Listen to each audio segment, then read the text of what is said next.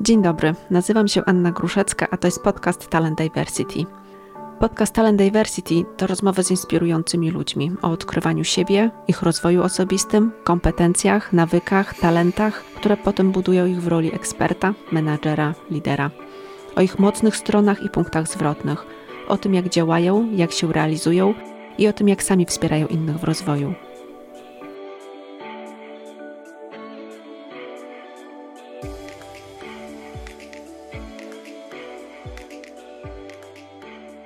Dzień dobry. Dzisiaj moją gościnią jest Joanna Urbańska, ekspertka od rekrutacji, autorka bloga i kursów online Rekrutuj z pasją oraz laureatka nagrody Polish Businesswoman Awards w kategorii Lider w rekrutacji i coachingu biznesowym. Dzień dobry, Asiu. Dzień dobry, hej. E, bardzo Ci dziękuję, że przyjęłaś zaproszenie do mojego podcastu. E, będę chciała z Tobą porozmawiać odnośnie tego, w czym jesteś ekspertką, czyli o rekrutacji i Twoim doświadczeniu w tym obszarze. Natomiast na początek powiedz nam proszę, skąd u Ciebie wzięła się w ogóle pasja do rekrutacji? To jest w ogóle, powiedziałabym, czysty przypadek. Ja już kiedy wybierałam kierunek studiów, zastanawiałam się, co chciałabym w życiu robić i wiedziałam, że na pewno chcę pomagać ludziom, ale wtedy myślałam bardziej o psychologii klinicznej na trzecim roku, kiedy y, przyszło wybierać y, kierunek, już specjalizację tych studiów, mm, a już byłam po kilku wizytach w oddziałach zamkniętych, to wiedziałam, że to jednak nie jest dla mnie, że psychologia kliniczna po prostu zniszczy mnie od środka. Byłem, byłem bardzo, jestem bardzo wrażliwą osobą, która żyje problemami innych ludzi. Wiedziałam, że to będzie dla mnie zbyt trudne. No i jedyny kierunek, jaki dodatkowo otwierał się wtedy, to była psychologia pracy i organizacji, więc w sumie trochę przypadek, trochę nie miałam wyjścia, ale kiedy faktycznie na czwartym roku zaczęłam już realizować zajęcia związane z HR-em, to mi się to spodobało, naprawdę mi się to spodobało i mm, stwierdziłam, że być może właśnie to jest ta droga. I tak to się zaczęło. Okej, okay, czyli pasja do HR tak naprawdę, nie do samej rekrutacji, to już od czasu studiów. Tak, tak. To był taki pierwszy element, gdzie, e, gdzie faktycznie pomyślałam sobie, że HR może być czymś fajnym. No, a zaczynam oczywiście od rekrutacji, więc pierwszy taki mój mm, czas doświadczenia zawodowego w HR to jest bardzo intensywny czas rozwoju w rekrutacji. No i tutaj pewnie jeszcze będziemy o tym trochę więcej za chwilę mówić, ale, ale faktycznie okazało się, że to jest to, co ja chcę robić, więc e, świetnie trafiłam. Ale przeglądając Twojego LinkedIna zauważyłam, że e, nie zawsze, nie od zawsze pracowałaś w rekrutacji, że pierwsze jakieś doświadczenia zawodowe Twoje były w innym obszarze. Dobrze pamiętam?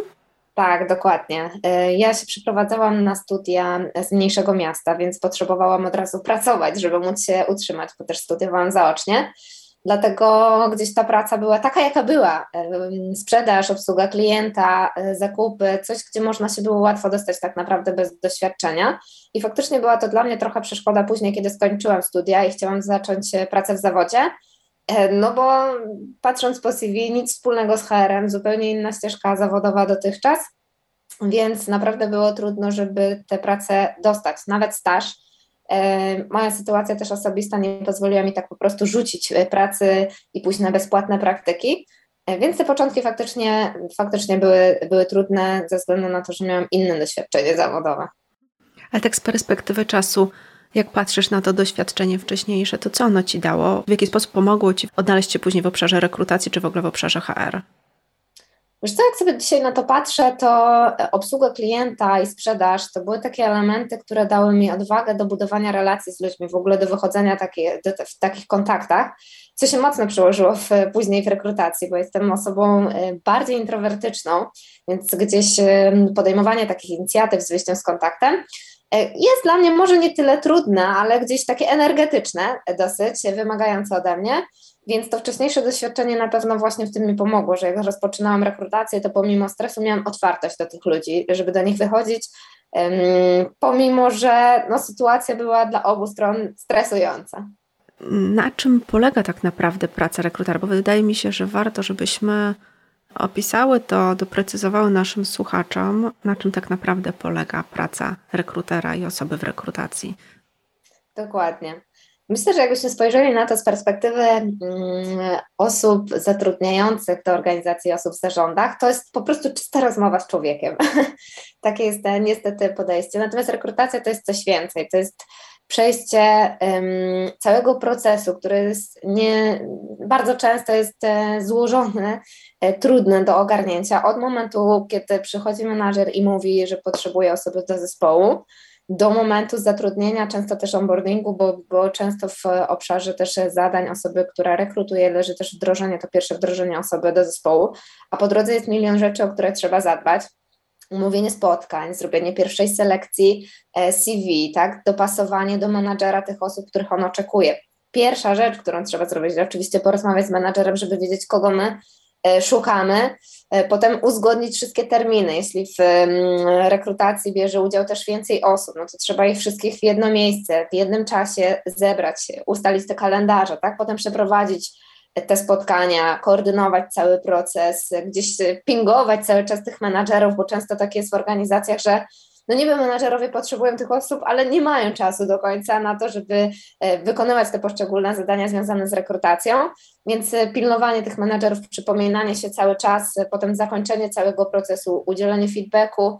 Myślę, że pominęłam jeszcze wiele takich mniejszych zadań po drodze, które się dzieją, ale naprawdę mm, rekrutacja to jest złożony proces z którym bardzo często trudno sobie poradzić tak na początku, nie znając metod, nie znając narzędzi, a mając takie same oczekiwania narzucone z góry, jak od osoby doświadczonej, tak? bo, bo nikt się tym tak naprawdę nie przejmuje, jeśli chodzi o menadżerów, czy to jest nowa osoba, czy, czy nie. Rekruter to rekruter.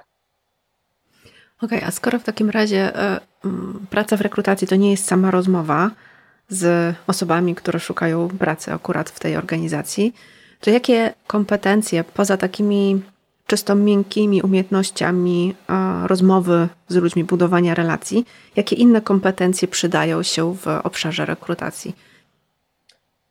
Wiesz co, mm, tak sobie myślę generalnie, no to ta praca polega na budowaniu relacji, więc to jest największa kompetencja, która tutaj jest potrzebna i faktycznie jakaś taka chęć i odwaga do wyjścia z tą inicjatywą.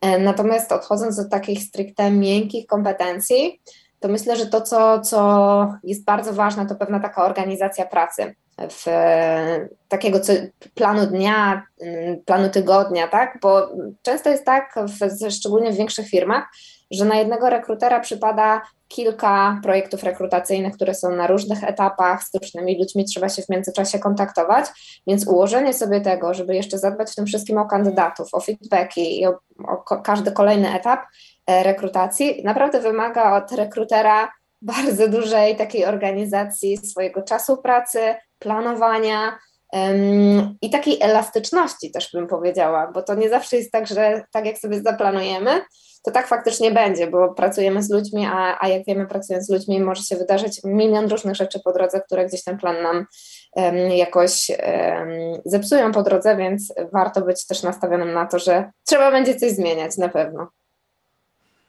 W rekrutacji pracujesz już e, długi czas. E, mówisz, że tak naprawdę po studiach zaczęłaś, e, zaczęłaś swoje pierwsze doświadczenia w obszarze HR i w obszarze rekrutacji. Jak rozwijałaś swoje umiejętności? Jak doszłaś do tego momentu, w którym jesteś teraz? Czyli taką ekspertką właśnie od rekrutacji, która uczy już innych. To, to, to jest też bardzo ciekawe, bo um, ja zaczynałam dokładnie od tego momentu, gdzie myślę, jest każdy początkujący rekruter, czyli boję się wszystkiego i nie wiem, co mam robić z tymi ludźmi, którzy siedzą po drugiej stronie stołu.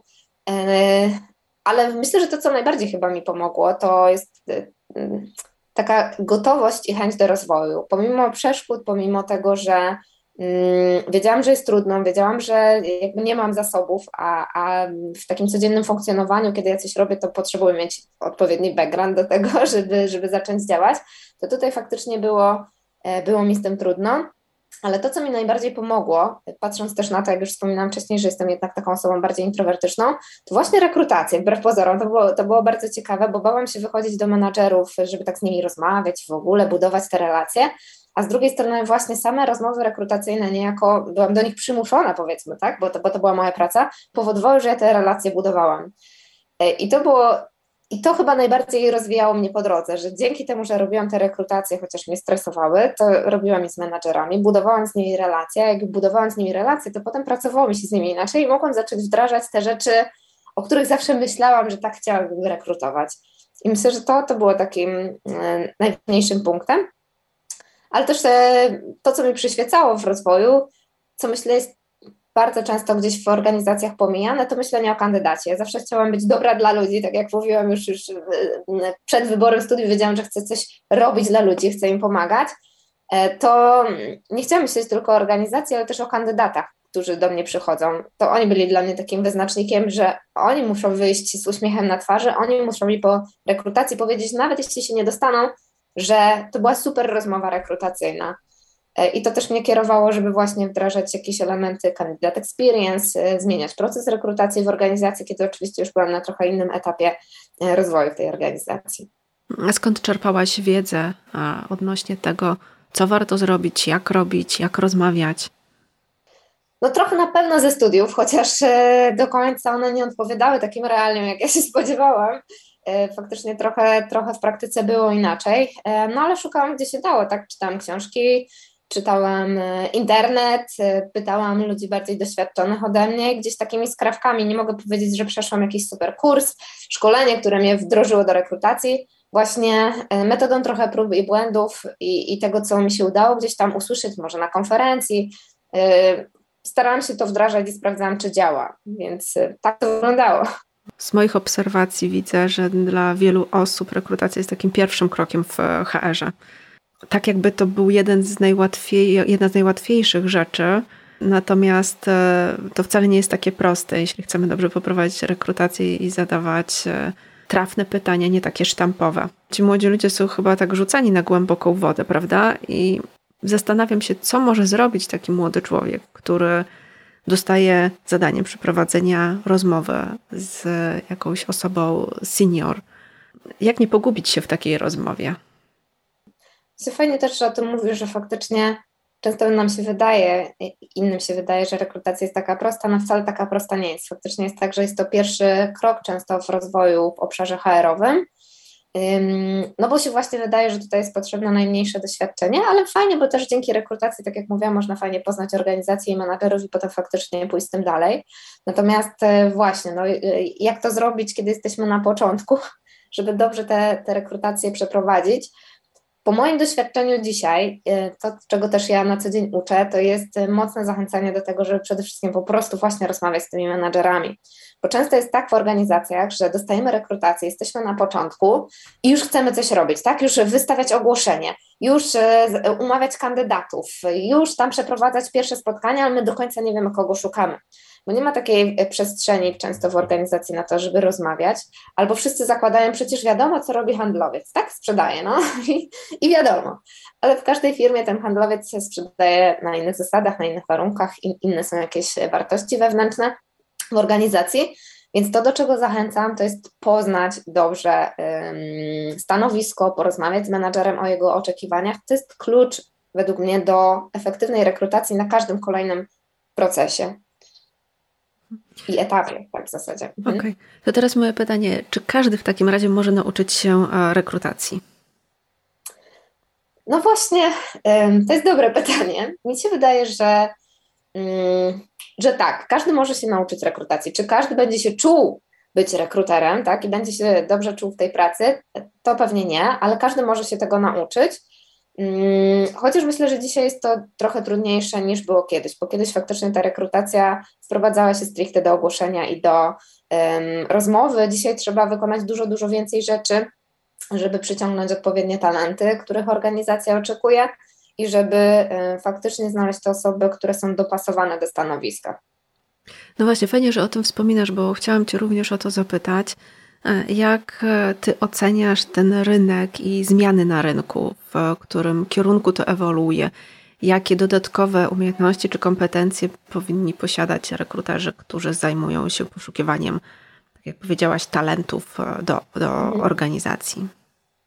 To moim zdaniem um, słyszałam coś takiego na początku pandemii od osób, które siedziały w HR-ze, że teraz to się super zmieni, bo będzie w końcu rynek pracodawcy. I będzie sobie można wybierać, bo ludzie są zwolnieni, bo nie mają pracy, bo szukają czegoś.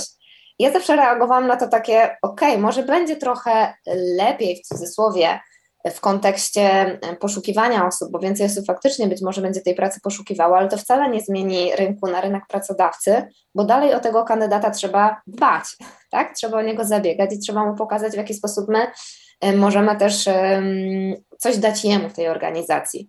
Więc e, ja absolutnie uważam, że rynek no, zmienia się oczywiście pod wpływem tych wszystkich wydarzeń, ale cały czas będziemy dążyć do tego, żeby zaspokajać potrzeby obu stron. Może one już nie będą tak wygórowane i może już nie, nie, nie będziemy się rzucać na owocowe czwartki e, i tego będzie takich, takich wymyślnych rzeczy powiedzmy trochę mniej, ale nadal każdy będzie chciał czuć się dobrze w organizacji, czuć, że może się tam rozwijać e, i, i to jest nadal to, co organizacja musi zapewnić. Natomiast właśnie w kontekście tego, co dzisiaj rekruter um, powinien też umieć, jak się może do tej pracy przygotować, bo ona faktycznie wygląda trochę inaczej, e, to tu, tu dobrze właśnie robię takie doświadczenia. Może, może jeszcze przytoczę, często osoby mnie pytają o to, czy ja, e, mając ileś tam lat doświadczenia w sprzedaży, czy w obsłudze klienta, czy marketingu, czy ja mogę w ogóle startować do rekrutacji? No tak, to jest cudowne doświadczenie dzisiaj, zaczynając rekrutację z takim backgroundem, bo dzisiaj jesteśmy sprzedawcami jako rekruterzy, jesteśmy marketingowcami, copywriterami, e, sorcerami, po prostu mamy bardzo dużo kompetencji takich dodatkowych niż jeszcze rekruter, nie wiem, 20 e, lat temu, bo um, czasy się zmieniły, technologia poszła do przodu, gdzie indziej są nasi kandydaci, inaczej musimy ich szukać. Często szukamy też kandydatów tak zwanych pasywnych, którzy aktywnie nie poszukują pracy, więc musimy dużo więcej wysiłku włożyć w to, żeby znaleźć te odpowiednie osoby do naszej organizacji. Czyli jeżeli ktoś miałby ochotę przebranżowić się z jednych z tych specjalizacji, o których wspomniałaś, to na pewno będzie miał dodatkowy bonus, plus w podstawie swojego wcześniejszego doświadczenia, jak rozumiem. Tak, dokładnie. Myślę, że wiele firm e, takich świadomych, e, ale też HR-owców, którzy zatrudniają rekruterów, zwróci na to uwagę, bo to są bardzo ważne kompetencje, których dzisiaj rekruter potrzebuje. A jeszcze chciałam Ci zadać jedno pytanie odnośnie rynku, mm, bo to, co powiedziałaś, że rynek staje się coraz bardziej wymagający w kontekście poszukiwania kandydatów. Czy to ma również związek z pokoleniami, o których też się dosyć dużo mówi? Czy inaczej rekrutuje się pokolenie X, milenialsów i pokolenie Z? E, na pewno są jakieś różnice w takim kontekście tego, czego oczekują ci kandydaci, bo oni są wychowani w zupełnie inny sposób. I o ile e, w tych starszych generacjach możemy usiąść oficjalnie do rozmowy rekrutacyjnej, przyjść w białych kołnierzykach, tak, e, i rozmawiać tutaj o poważnie o pracy, o tyle myślę, że z, chociażby z pokoleniem tym najmłodszym, które teraz wkracza na rynek, to już nie przejdzie. To, to nie są te osoby, które tak się, oni oczywiście się przygotują tak do rozmowy, ale oni nie będą się w tym czuli swobodnie. No i teraz pytanie z naszej strony, czy my chcemy, żeby było oficjalnie, bo tak powinno być, czy my chcemy się dopasować po to, żeby ten kandydat czuł się dobrze i żeby móc zbadać, jaki on jest naprawdę, tak? Bo jeśli ktoś przyjdzie spięty, zestresowany, jeszcze w koszuli, której nie lubi, bo nigdy jej nie nosi, to czego my się o tym człowieku dowiemy poza tym, że się bardzo stresuje i ma zamkniętą głowę. To oczywiście zależy e, od, od rekrutera, od kultury organizacyjnej, e, która panuje, natomiast ja jestem zwolennikiem tego, żeby raczej kandydatom ułatwiać, więc ja wolę e, poznać mm, te pokolenia, tak, i się do nich dopasować, oczywiście w miarę rozsądku, bo też nie chodzi o to, żeby przychodzić teraz na rekrutację w klapkach, tak, i w koszuli w palmy, ale, ale faktycznie gdzieś dla mnie jest to ważne, żeby ten kandydat czuł się dobrze, więc zwracam mocno na to uwagę i na pewno jest pewna specyfika pokoleń, być może w jakiś inny sposób się do nich e, podchodzi w trakcie rozmowy, natomiast jeśli chodzi o zasady takie re rekrutacji, takie uniwersalne, one są stałe, tak? To, to bardziej chodzi o taki klimat i nasze podejście. A jak ktoś już decyduje się na rozwój w obszarze rekrutacji, to jakie ma możliwości wiem, rozwoju swojej ścieżki kariery? W rekrutacji e, jest tak, że e, zwykle zaczyna się od stażu albo od praktyki, tak? Bo najczęściej jednak trafiają tam osoby bez doświadczenia albo na przykład awansowane z jakichś innych stanowisk w firmie, właśnie z obsługi klienta, z recepcji, z administracji. E, więc często trafia się do rekrutacji w ogóle do HR-u właśnie pod postacią staży, pod postacią praktyk. Natomiast co dzieje się dalej y, i samej rekrutacji, to też zależy od organizacji, jak ona jest duża. Zwykle jest tak, że no, stanowisko rekrutera to stanowisko rekrutera i więcej się tutaj nie wydarzy, jeśli chodzi o obszar rekrutacji, chyba że na przykład mamy do czynienia z większą organizacją albo z agencją, gdzie faktycznie można tam przejść od stanowiska juniorskiego, tak, najpierw staż, potem stanowisko juniorskie aż do seniora, czy nawet lidera danego zespołu. Y, najczęściej jednak, i tak wynika przynajmniej z mojego doświadczenia w takich organizacjach korporacyjnych, nie za wielkich, to um, ścieżka bardziej rozwija się w obszarze HR-u. Faktycznie zaczyna się w rekrutacji, e, a potem e, każdy rekruter łapie kolejne, kolejne rzeczy. Ja tak właśnie miałam, gdzieś zaczynając od rekrutacji, mocno intensywnie rekrutując przez pierwszy czas, potem dotykałam trochę komunikacji wewnętrznej, onboardingu, szkoleń, HR business partneringu, no i ostatecznie też ta moja ścieżka potoczyła się w kierunku bycia HR menadżerem, no a dzisiaj też prowadzenia własnej firmy, więc tych możliwości jest naprawdę, naprawdę dużo. Jest też część osób, która do końca tej rekrutacji się jednak nie odnajduje, ale y, odnajduje się w kadrach, gdzie ta rekrutacja z kadrami jest też mocno połączona, więc rekruter może się wiele w tej pracy o tym nauczyć i potem przejść po prostu do kadr. Ale jest też w drugą stronę, to jest też często co, y, co pojawia się u moich y, klientek, mówią, Asia, ja pracuję w kadrach, a chciałabym do miękkiego HR-u, czy to jest możliwe? No i znowu powiem tak, to jest możliwe, bo jest już bardzo duży background właśnie związany z zatrudnieniem, który rekruterowi też jest potrzebny, więc to też jest bardzo dobra droga do tego, żeby rozpocząć swoją przygodę w miękkim HR-ze i w rekrutacji. E, wspomniałaś o tym, że miałaś doświadczenia w różnych specjalizacjach, tak w obszarze HR-u. Pracowałaś nie tylko jako rekruter, ale też jako HR business partner i zajmowałaś się różnymi innymi kwestiami, nie tylko rekrutacją. Dlaczego ostatecznie w kontekście prowadzenia własnej firmy i szkolenia innych padło na rekrutację? Z tym mam chyba takie największy sentyment w ogóle, największą satysfakcję, którą miałam w swojej pracy. Oczywiście dużo satysfakcji zbierałam też jako HR Business Partner, pracując z menadżerami czy budując własny zespół, ale ta rekrutacja jakoś tak we mnie została ze względu na to, że E, no tak jak mówiłam, chciałam robić dobre rzeczy i byłam doceniana przez organizację, ale byłam też doceniana przez kandydatów.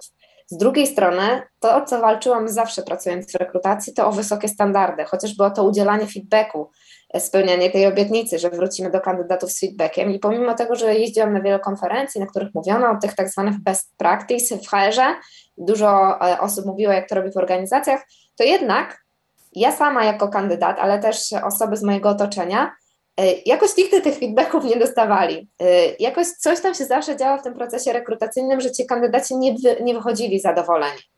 E, I ja sobie postawiłam taką misję. To ja chcę teraz uczyć takiej rekrutacji, gdzie kandydaci wychodzę, wychodzący od tych rekruterów, którzy będą się uczyć o tym, nie będą naprawdę mówić, że to była super rekrutacja, nawet jeśli tej pracy nie dostaną. Myślę, że to jest takie clue. Dla mnie to była jedna z większych wartości w procesach rekrutacyjnych, żeby nie palić mostów, a raczej je budować na przyszłość no bo nigdy nie wiadomo, kiedy ten kandydat ponownie do nas trafi, czy to do firmy, czy do nas jako samego rekrutera, bo musimy pamiętać, że nasi kandydaci, zresztą każdy człowiek po prostu, bardzo dobrze zapamiętuje jednak te negatywne um, wydarzenia ze swojego życia i to na pewno będzie gdzieś tam się działo. No to prawda. Bardziej pamiętamy te trudniejsze rzeczy, które nam się przydarzyły, aniżeli te dobre i chętniej też dajemy innym informacje o tych, które nie były dobrymi przeżyciami, nie były dobrymi doświadczeniami, aniżeli te, które były dobrymi. Tak. Czasami nawet jeśli upłynie dużo czasu, to widząc czyjąś twarz albo nazwę firmy, nie pamiętamy już, co to było, ale wiemy, że to było coś niedobrego i, i jakoś y, mamy takie negatywne uczucia z tym związane. Tak, tak, to prawda. E, no właśnie, powiedziałaś, e, że od jakiegoś czasu uczysz innych rekrutacji. E, prowadzisz nie tylko bloga, gdzie dzielisz się swoim doświadczeniem, ale prowadzisz też kursy dla osób, które chcą się rozwijać w obszarze rekrutacji. Czego poza tym, o czym już powiedziałyśmy, uczysz na tych kursach? Czego mogą się Twoi kursanci dowiedzieć, nauczyć? Tak naprawdę jest to rekrutacja e, od samego początku do samego końca. Tak jak e, zapytałaś mnie na początku właśnie, to czym jest rekrutacja w ogóle, to to jest właśnie w tym kursie, nie? Czyli od początku od zapotrzebowania aż po zatrudnienie, co krok po kroku należy zrobić, łącznie z narzędziami, łącznie z całą merytoryką, która jest. I to, co myślę wyróżnia też mój kurs, to to, że tam nie ma teorii takiej książkowej, tak? Ja nie wzięłam podręcznika z psychologii, pracy i organizacji ze studiów i nie zaczęłam przerabiać tego na kurs, tylko ze swojej praktyki, więc te e, wideo są krótkie i są bardzo praktyczne. Mówią o tym, jak wykorzystać konkretną metodę albo jak wykorzystać konkretne narzędzie.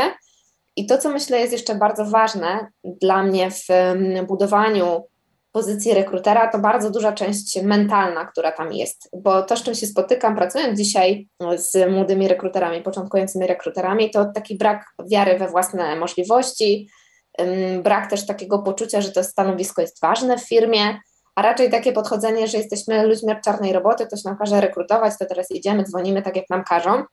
Więc duża część w kursie to jest też praca właśnie nad tym, to kim ja jestem jako rekruter, jaki chcę być jako rekruter, mm, jak tutaj pracować z menadżerami, jak budować taką pewność siebie, bo dopiero to, to z doświadczenia pracując też z osobami w moim zespole, kiedy budowałam zespół, dopiero jakby pokazanie ludziom, że nasza rola jest bardzo ważna i rola partnerska z menadżerem jest możliwa, dopiero otwierała te osoby, żeby one mogły czerpać z tej wiedzy merytorycznej o rekrutacji, bo tak nie miało to większego znaczenia, więc duża też e, część poświęcona jest temu, żeby zbudować swoją pozycję eksperta.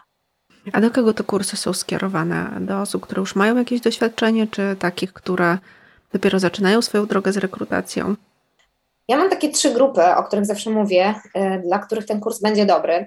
Pierwsza to oczywiście osoby początkujące w rekrutacji, którzy, które gdzieś stawiają swoje pierwsze kroki, e, nie wiedzą, jak to robić profesjonalnie. Wbrew pozorom nie ma dużo wiedzy w internecie z perspektywy rekrutera. Jest bardzo dużo z perspektywy kandydata, jak przejść rozmowę rekrutacyjną, ale tych wskazówek dla rekruterów brakuje. Więc tutaj mają no, od A do Z, krok po kroku rozpisane wszystko, jak postąpić. To jest też dobry kurs dla osób, które myślą o przebranżowieniu, bo właśnie tutaj mogą sobie bardzo dobrze ułożyć plan um, swojego działania, rozwój tej kariery, no i przygotować się właśnie do profesjonalnej rekrutacji, ale też jest to dla osób, które już pracują w rekrutacji od jakiegoś czasu, ale wiem, że większość z tych osób nigdy nie miała takiego profesjonalnego szkolenia. Działają trochę intuicyjnie, trochę ktoś im podpowiedział coś i nie do końca nawet czują się dzisiaj jeszcze dobrze, pomimo że mają już, nie wiem, 2-3 lata doświadczenia w rekrutacji, to gdyby ich zapytać tak od serca, czy, czy czują, że rekrutują profesjonalnie, to większość z nich powie właśnie, że nie. Więc dla tych osób też jak najbardziej jakby takie przejście, uświadomienie sobie e, tego procesu, jak on wygląda, i postępowanie według niego też będzie czymś nowym, czymś odkrywczym i czymś bardzo fajnym, co pomoże jej w codziennej pracy. A jakbyś miała powiedzieć taką jedną rzecz, e, na którą takie osoby e, wchodzące dopiero na rynek e, rekrutacyjny, mm, w sensie takim, że chcące rekrutować inne osoby w organizacjach, na co powinny zwrócić uwagę, zdobywając kompetencje czy kształcąc się w tym kierunku? Ja bym tu zwróciła chyba uwagę na dwie rzeczy. Pierwsza rzecz kiedy faktycznie dopiero się rozglądamy e, za, za pracą w tym obszarze, to własna inicjatywa i odpowiedzialność za swój rozwój. E, ja tak rekrutowałam do swojego zespołu, patrząc na to, na ile ktoś jest chętny do rozwoju. Nie tyle, na ile już ma doświadczeń, na ile gdzieś tam e, coś udało mu się w tym HR-ze zrobić, a, mm, a na ile jest po prostu gotowy do tego, żeby się uczyć i już sam podjął jakąś inicjatywę. Bo ja wiem sama, jak mi było trudno na początku, nie wykazując się żadnym doświadczeniem w HR zdobyć tę pracę, więc ja na to nie stawiam, ale myślę, że pokazanie tego w CV, w, w swojej też postawie, że chcemy się uczyć i już robimy to sami, tak, pomimo tego, że jeszcze nie mamy tej pracy, jest bardzo ważnym elementem, który na pewno przykuje też uwagę rekruterów.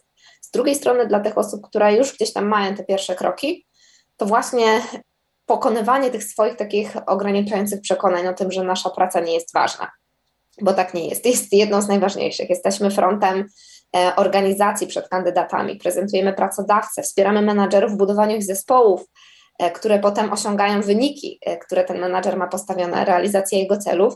Więc ta wiara w siebie na sam początek i w, w rolę, którą pełnimy w organizacji, jest kluczowa do tego, żeby w ogóle merytorycznie podejść do całego procesu. A jaką radę byś dała innym osobom, którą wyniosłaś ze swojego doświadczenia? Taką jedną najważniejszą.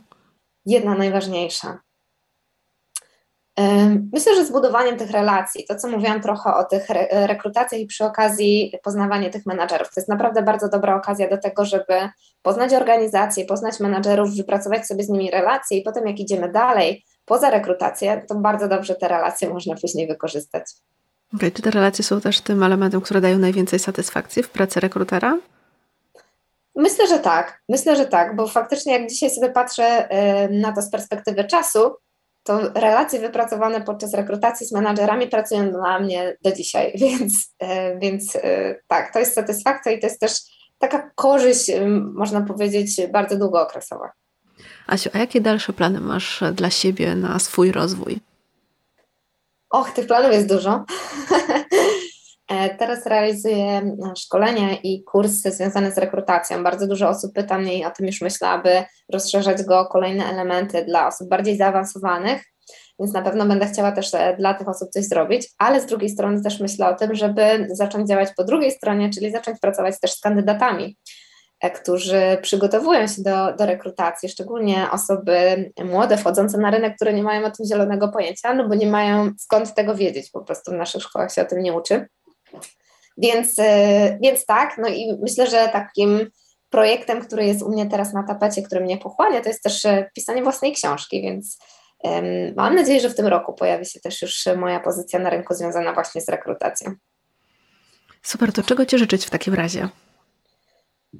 Chyba szybkiego napisania tej książki, bo faktycznie mam takie momenty, gdzie mogę usiąść i pisać, i pisać, i pisać, a potem na przykład przez tydzień jakoś tak nie mam weny, ale, e, ale faktycznie mm, to jest chyba to, czego teraz potrzebuję, napisać tę książkę.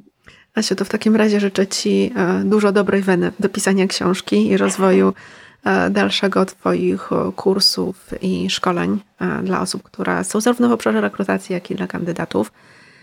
Powiedz jeszcze na koniec, gdzie można Cię znaleźć? Tak, jak wspominałaś, prowadzę bloga rekrutujspasją.pl.